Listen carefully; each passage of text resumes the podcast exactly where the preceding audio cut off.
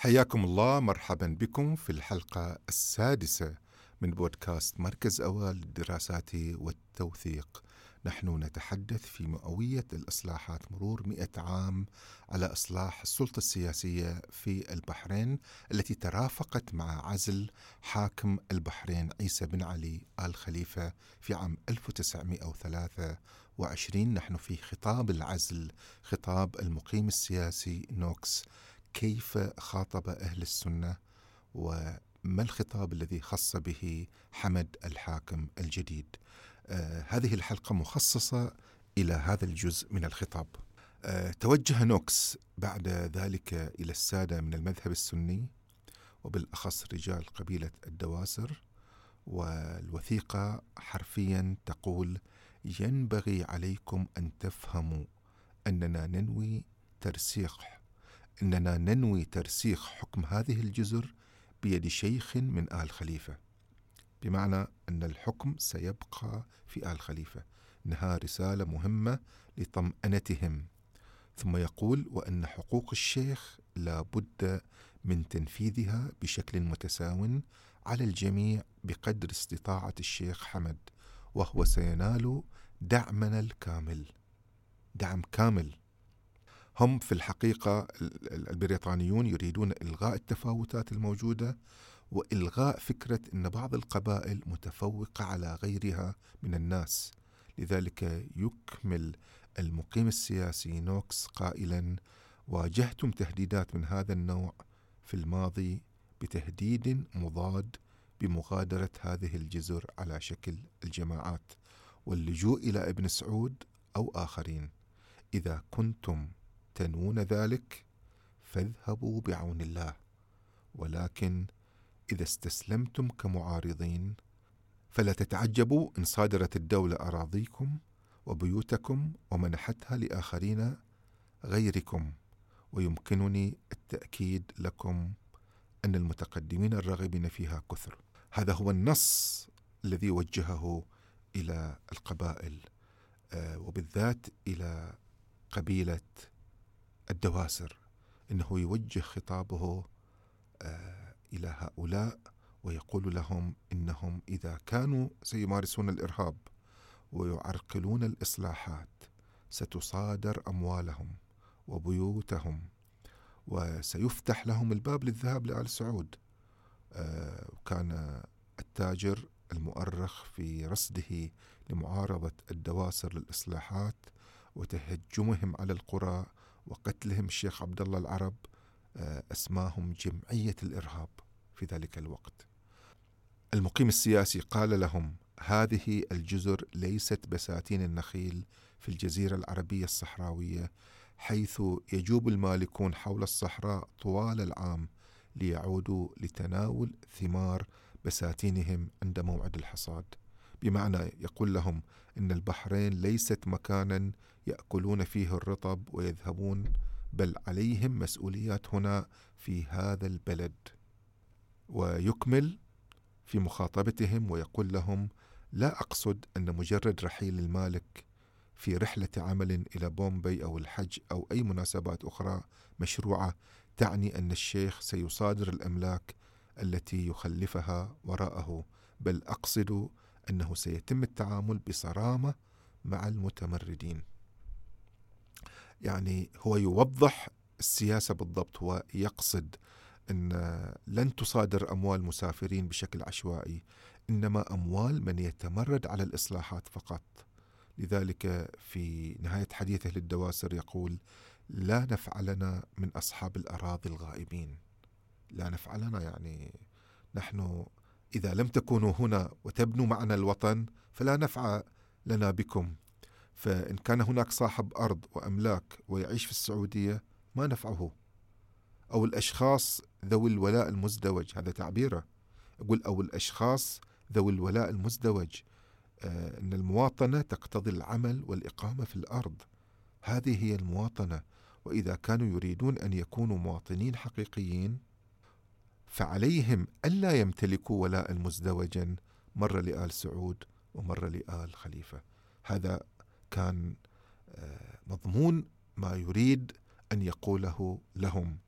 لذلك يكمل نصا يقول إذا أقمتم في جزر البحرين ينبغي عليكم الامتثال لحكم البلد في الوقت الذي تمتلكون فيه أملاككم ودفع الرسوم الجمركية ولن نتساهل مع وجود دويلة داخل الدولة.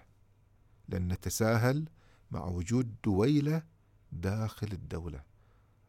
بمعنى أنه يقول الدواسر يعني لا يمكن وجود دولة داخل دولة البحرين. أي لا يمكن أن تكون أيها الدواسر دويلة سعودية داخل البحرين. ولا يمكن أن تشكلوا حالة خاصة بالقوة التي تمتلكونها وبالعدد الذي لديكم. بل ستكون هناك حكومة مركزية واحدة ودولة واحدة وولاء واحد وحاكم واحد. هكذا كان خطاب نوكس إلى الدواسر وبعد ذلك أيضا في أثناء مجلس العزل خص الشيخ حمد الحاكم الجديد أيضا بخطاب خاص وهذا الخطاب أيضا يتسق مع ما وجهه إلى المجتمع السني من خطاب يبين ما الذي سيكون عليه الحكم الجديد. يقول للملك حمد بالنص يقول أطلب من الشيخ حمد أن يتحملني. بينما أقدم لكم بعض النصائح للمستقبل فقد سبق وتكلمت معكم حول هذا الموضوع.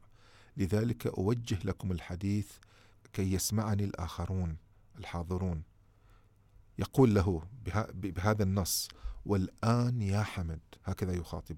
سأخبرك قصة سمعتها هنا حول ما جرى في ذلك اليوم في حفل توزيع الجوائز المدرسية الذي يشبه إلى حد كبير التجمع الحالي.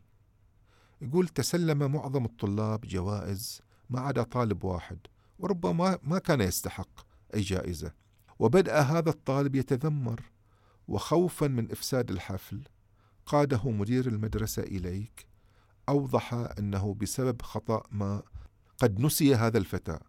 عندئذ يا حمد أخرجت ساعة ذهبية من جيبك وقدمتها إلى هذا الفتى الصغير المتذمر. كما أعطاه فرد آخر من آل خليفة لا يتفوق عليك في الكرم. خمس جنيه استرليني. وبلا شك أشادت الحشود بكم. كنت رجلا نبيلا وكريما ومحترما ويبدو ما حصل هذا النص يقول بالنص وكأنه قصة من ألف ليلة وليلة ومن أيام الترف التي شهدتها حقبة هارون الرشيد. آه، حقيقة إن المقيم السياسي يرى إن هذا التصرف قد يبدو موقفا من قصص الأسطورية تعبير عن كرم الحاكم لكن ذلك كان في الحقيقة في الدولة السابقة في أيام الحكم القبلي القبلي في أيام الحكم القبلي الذي يبدو الشيخ فيه دائما شخصا كريما يغدق من مال الدولة على أنه ماله. يقول له أقول لك يا حمد إن تصرفك في هذه المناسبة كان رديئا تماما فكان سيئا بحق الفتى نفسه وبحق الطلاب الآخرين وفي حال استمرت مبادئك على هذا النحو فلن تدوم يا حمد في منصبك ستة أشهر. ويقدم له أمثلة من الدول التي أفلست ألمانيا التي سقطت في الهاوية فرنسا اللي هي على وشك الإفلاس. يقول له فمن أنت يا حمد حتى تكون أفضل منهم؟ من أنت يا حمد حتى تكون أفضل منهم؟ لديك عائدات وافرة وطائلة ولكنني تفاجأت جدا عندما علمت أن هذه العائدات تبلغ قيمتها ربية واحدة شهريا لكل فرد من سكان هذه الجزر. هذا النص. هذا يعني إن يعني هو يقول لحمد أن حمد يحصل على أموال طائلة لكنه يسيء توزيعها.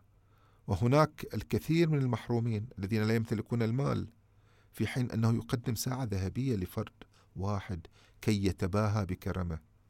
نوكس هنا أوضح له أنه لا يستطيع تقديم أي خدمات بربية واحدة شهريا لكل فرد. أنت فقط لديك ربية واحدة فقط لكل فرد من مواطنينك شهريا. فلا بد أن ترفع مستوى الدخل الفردي وتبتعد عن التوزيع القبلي والبدوي للدخل. لذلك يكمل نوكس يقول له كم سيفيض كي تقدم الساعات الذهبية وخمسة جنيه استرليني للفتيان المتذمرين الذين يعملون لمدة قصيرة أو لإهداء أفراد آل خليفة السيارات والزوارق الآلية. يجب أن تكون بخيلا يا حمد. يجب أن تكون بخيلا يا حمد وعليك أن ترحب فحسب بمشاريع ستجلب المال من استثمار المال. هذا خطاب تقريعي يرسم استراتيجية جديدة يريد المقيم أن يعد الحاكم لمستقبل البلاد يريد أن يفهم الحاكم أن مرحلة الحكم القبلي والتباهي بالعطايا قد انتهت وأنه يتوجب عليه أن يفكر في الشعب كله وفي كل فرد من الشعب لا بجزء من الشعب. لا يعتقد أن ما يملكه من مال ويبدو وفيرا لأنه ليس خاصا فقط لعائلته وأفراد حاشيته ومواليه. هذا المال مال الناس كلهم لذلك يتوجب عليه أن يفكر بالمبالغ التي سيقدمها حينئذ لن يتمكن من إعطاء الناس ساعة ذهبية فهذا ليس ماله إنما مال الدولة. لذلك بعد هذا الخطاب أول ما سيجري تأسيسه موازنة الدولة وسيكون ديلي هو واضع أول موازنة للدولة وبلغريف المستشار الذي سيأتي بعد ذلك كانت مهمته وضع موازنة عامة وجداول تبين كم يحق لكل فرد من آل خليفة أن يتسلم من الدولة من دون تجاوز المبالغ المحددة. هكذا كان خطاب نوكس خطاب فصل. فصل جيب الحاكم عن جيب الدولة وفصل الحكم القبلي عن الحكم المدني. في الحلقة القادمة الأخيرة سنتعرف ماذا قال نوكس للشيعة كيف خاطبهم. شكرا لكم.